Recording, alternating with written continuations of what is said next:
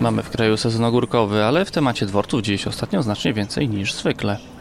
Dworce w Polsce się burzy, ale zarazem też buduje nowe. Są dworce, które wpisano do rejestru zabytków oraz takie, którym tego wpisu się odmawia. Otwiera się dworce po remontach, ale są też dworce, które właśnie zamknięto. Dworce się sprzedaje i kupuje. Jednym słowem dzieje się. Właśnie o tym, co się dzieje z dworcami, będę mówił w dzisiejszym węźle przesiadkowym. Bartosz Jakubowski, zaczynamy.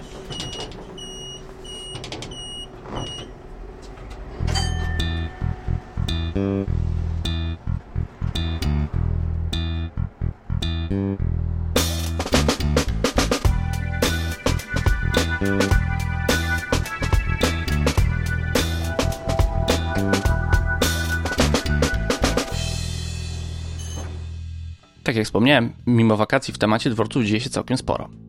Najwięcej chyba ze sprawą PKP SA, które powoli realizują przebudowy i budowy dworców oraz uruchamiają kolejne przetargi na projekty budowy czy przebudowy.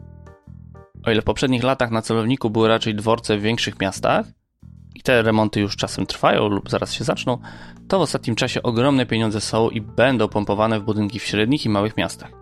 Malczyce, Wałbrzych, Puck, Trzemeszno, Mogilno, Lubartów, Boguszów, Gorce, Susz, Imbramowice, Trzew i wiele innych. W tych wszystkich miastach już trwają budowy lub za jakiś czas się zaczną. Oczywiście zawsze powstaje pytanie, czy inwestycje w dworce kolejowe w takiej skali i w takich miejscowościach mają sens? No, z jednej strony można powiedzieć, że tak. Bo nareszcie po wielu latach dyskusji i różnych podchodów udało się wprowadzić tzw. Tak opłatę dworcową, czyli opłatę, jaką przewoźnicy kolejowi ponoszą na rzecz PKP SA za każde zatrzymanie pociągu na tzw. Tak stacji pasażerskiej. Co by o tym nie sądzić, to jednak jest to jakieś narzędzie do sfinansowania utrzymania dworców, którego przez lata nie było w ogóle. Dworce próbowały na siebie zarobić jedynie za pomocą wynajmu powierzchni komercyjnych, czyli kas, barów, kiosków. E, no i to w oczywisty sposób windowało stawki najmu i powodowało wpadanie w błędne koło. Na dworcach było coraz drożej, było coraz mniej najemców, więc spadały przychody, więc znowu coraz bardziej rosły stawki najmu i tak dalej, i tak dalej.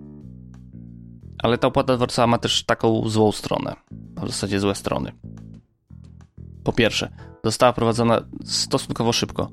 Przewoźnikom pasażerskim doszła nagle w budżetach nowa pozycja kosztowa, która, no nie oszukujmy się, nie generuje dodatkowych przychodów. Pasażerowie byli, są i będą tam, gdzie jest dobra oferta kolejowa, a obecność czy wyposażenie dworca ma znikomy, jeżeli w ogóle jakikolwiek wpływ na przewozy pasażerskie. Różnice w kosztach pokryją oczywiście podatnicy, bo pociągi uruchamiane na zlecenie samorządów i ministra infrastruktury i tak muszą się przy tych dworcach zatrzymać. Więc mamy tak naprawdę zalegalizowaną prawnie dotację do utrzymania dworców z budżetu samorządów i państwa. Po drugie, stawki opłaty dworcowej nie podlegają takim zasadom zatwierdzania jak stawki dostępu do infrastruktury kolejowej, m.in. PKP Polskich Linii Kolejowych. Urząd Transportu Kolejowego owszem zatwierdza regulamin korzystania z dworców lub jak kto woli stacji pasażerskich, ale wysokość stawek, sposoby kategoryzacji dworców itd., tak itd. Tak to już jest wolna twórczość PKP SA. Po trzecie, to, które dworce w ogóle istnieją i są czynne, nie wynika z jakiejś strategii transportowej państwa czy samorządów, no, poza przypadkami przejęcia dworca przez samorząd, co się dość często dzieje ostatnio, a jest po prostu autorytarną decyzją PKP SA. Zatem organizatorzy transportu kolejowego zostali uszczęśliwieni trochę na siłę dworcami, które niekoniecznie muszą, choć oczywiście mogą być potrzebne do sprawnej realizacji transportu publicznego.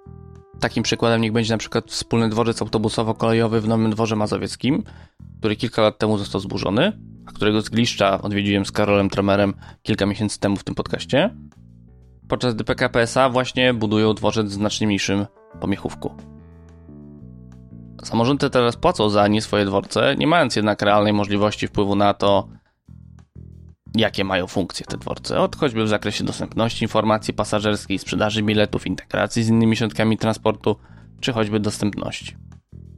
Mimo jednak tych wszystkich wątpliwości, jakie można mieć wobec polityki dworcowej PKP SA, to jednak przyszłość infrastruktury dworcowej kolejowej zaczyna malować się niewątpliwie w jaśniejszych barwach niż do tej pory.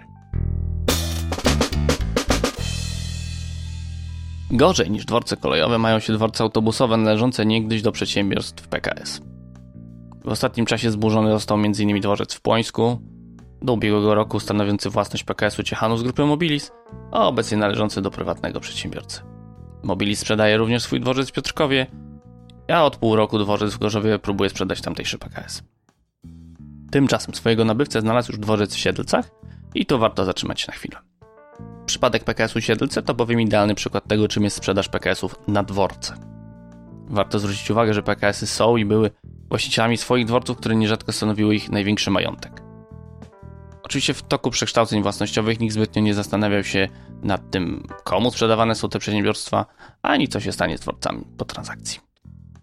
Jako, że dworce autobusowe znajdują się w dość atrakcyjnych lokalizacjach, w wielu przypadkach dużo atrakcyjniejszych niż położone czasem peryferyjnie dworce kolejowe, to w oczywisty sposób stały się apetycznymi kąskami dla deweloperów i innych inwestorów.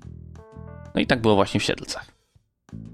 Tamtejszy PKS został sprzedany spółce Retail Provider Wrocław spółka ZOO, która po dokonaniu wydzielenia z przedsiębiorstwa części przewozowej do spółki PKS Siedlce spółka ZOO zlikwidowała spółkę PKS Siedlce SA, przejęła dworzec i właśnie go sprzedała. Z nikim tego nie konsultując i nikogo nie informując o tym, no, nie licząc jednostronnych wypowiedzeń umów przewoźnikom korzystającym z tego dworca na nieco ponad dwa tygodnie przed zamknięciem dworca. Po zamknięciu dworca tak naprawdę pierwszy poinformował PKS Łosice, który się tam do niedawna zatrzymywał. Tym samym bardzo atrakcyjny teren w centrum Siedlec przestał pełnić funkcję komunikacyjną, a autobusy odjeżdżają z przystanków komunikacji miejskiej położonych w pobliżu, a bilety sprzedaje się, jak to napisał PKS Sielce, naprzeciwko y, baru z zapiekankami. Podobnie sytuacja ma się z dawną bazą PKS-u Siedlce. Spółki powiązane osobowo i kapitałowo z nabywcą y, PKS-u y, zbudowały tam park handlowy.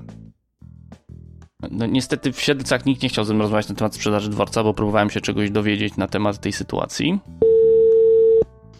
No ja nie będę na ten temat się wypowiadał. Zostaliśmy wypowiedzeni umowy i koniec. Ja nie będę udzielała takich informacji. Ja nie wiem, jakiś telefon sobie, ja nie, nie mogę podawać do prezesów numeru telefonu, nie wiem, musi pan sobie gdzieś znaleźć jakieś. A dotychczasowy właściciel dworca również nie chce ujawnić, kto jest nabywcą.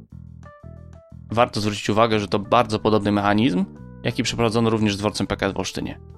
To właśnie tam najpierw został zrealizowany bardzo podobny model transakcji, jaki później powtórzono z PKS-em Siedlce. Retail provider kupił PKS Olsztyn, po czym sprzedał zorganizowaną część przedsiębiorstwa bez dworca, a dworzec wydzielił do dwóch innych spółek. Od ponad dwóch miesięcy PKS Olsztyn SA również jest w likwidacji, podobnie jak PKS Siedlce SA. Zachęcam wszystkich do samodzielnego zapoznania się z powiązaniami kapitałowymi osobowymi spółek związanymi z prywatyzacją PKS-ów w Siedlcach i Olsztynie, bo to jest naprawdę ciekawy temat. Ale nie na ten podcast. Pozostając w temacie dworca w Olsztynie, wartym udokumentowania jest też fakt porażki lokalnych aktywistów we wpisaniu go do rejestru zabytków.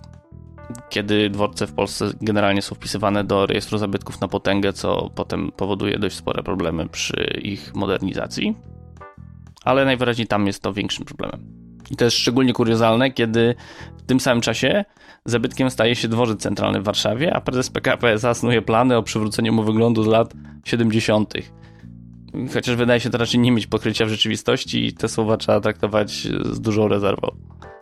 E, co jeszcze ciekawsze, po kilkukrotnych próbach wpisania kompleksu dworcowego w Olsztynie, obejmującego bądź co bądź ciekawy wspólny dworzec PKP i PKS oraz biurowiec dawnego PKP, później przewozów regionalnych, lokalna gazeta wyborcza poinformowała o zamiarach spółki Retail Provider co do sporządzenia zgłoszenia do prokuratury. E, celem tego donosu mieli być oczywiście lokalni aktywiści, którzy rzekomo próbują storpedować plany inwestycyjne z bliżej nieustalonych przyczyn, które miałaby dopiero ustalić prokuratura. A plany inwestycyjne zarówno PKP SA, jak i Retail Provider są jednoznaczne. Zburzenie istniejącego zintegrowanego dworca i budowa dwóch niezależnych budynków, które może w jakiś sposób będą połączone. O ile jeszcze PKP SA chce postawić w tym miejscu nowy dworzec i kładkę na drugą stronę torów, to nabywca dworca PKS chce tam zbudować kolejną galerię handlową, której zgodnie z obietnicami część autobusowa ma zostać zachowana, ale zdecydowanie zmniejszona. Mówiąc bardziej obrazowo. Jeżeli ktoś wie, jak wyglądał dworzec PKS we Wrocławiu, a jak wygląda obecnie, a raczej jak wygląda galeria Wrocławia postawiona na jego miejscu, to mniej więcej chodzi o podobną przebudowę. Kończąc temat dworca w Olsztynie, słowo komentarza. Mam wrażenie, że dworzec w Olsztynie jest demonizowany i nie jest wcale taki straszny, jak go głównie politycy i media malują. Przekonał mnie do tego Jakub Kulecki, którego profil na YouTube serdecznie zapraszam. Link do materiału o Olsztyńskim Dworcu załączam w opisie tego odcinka. Zapewne po odpowiednim wypucowaniu i drobnej modernizacji wzorem zabytkowego już dworca centralnego w Warszawie, dworzec w Olsztynie mógłby być naprawdę funkcjonalnym budynkiem i po odpowiedniej integracji z transportem miejskim, na którą na razie nikt się na poważnie nie pokusił, i budowie przejścia podziemnego w kierunku osiedla Zatorze mógłby pełnić rolę prawdziwego węzła przesiadkowego. Niestety mam wrażenie, że wielki pieniądz, jaki stoi przed oczami zarówno PKP SA i miasta, bo na horyzoncie majaczą pieniądze z programu operacyjnego Polska Wschodnia, który, gdy nie zostanie zbudowany dworzec, przepadną. Przynajmniej tak twierdzą samorządowcy i przedstawiciele PKP SA. No i ten wielki pieniądz stoi już też przed oczami nabywcy PKS Olsztyn.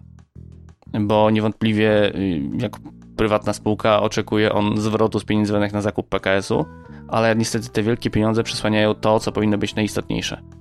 A istotne jest to, że Olsztyn ma bardzo poważne problemy z integracją transportu publicznego w tym miejscu.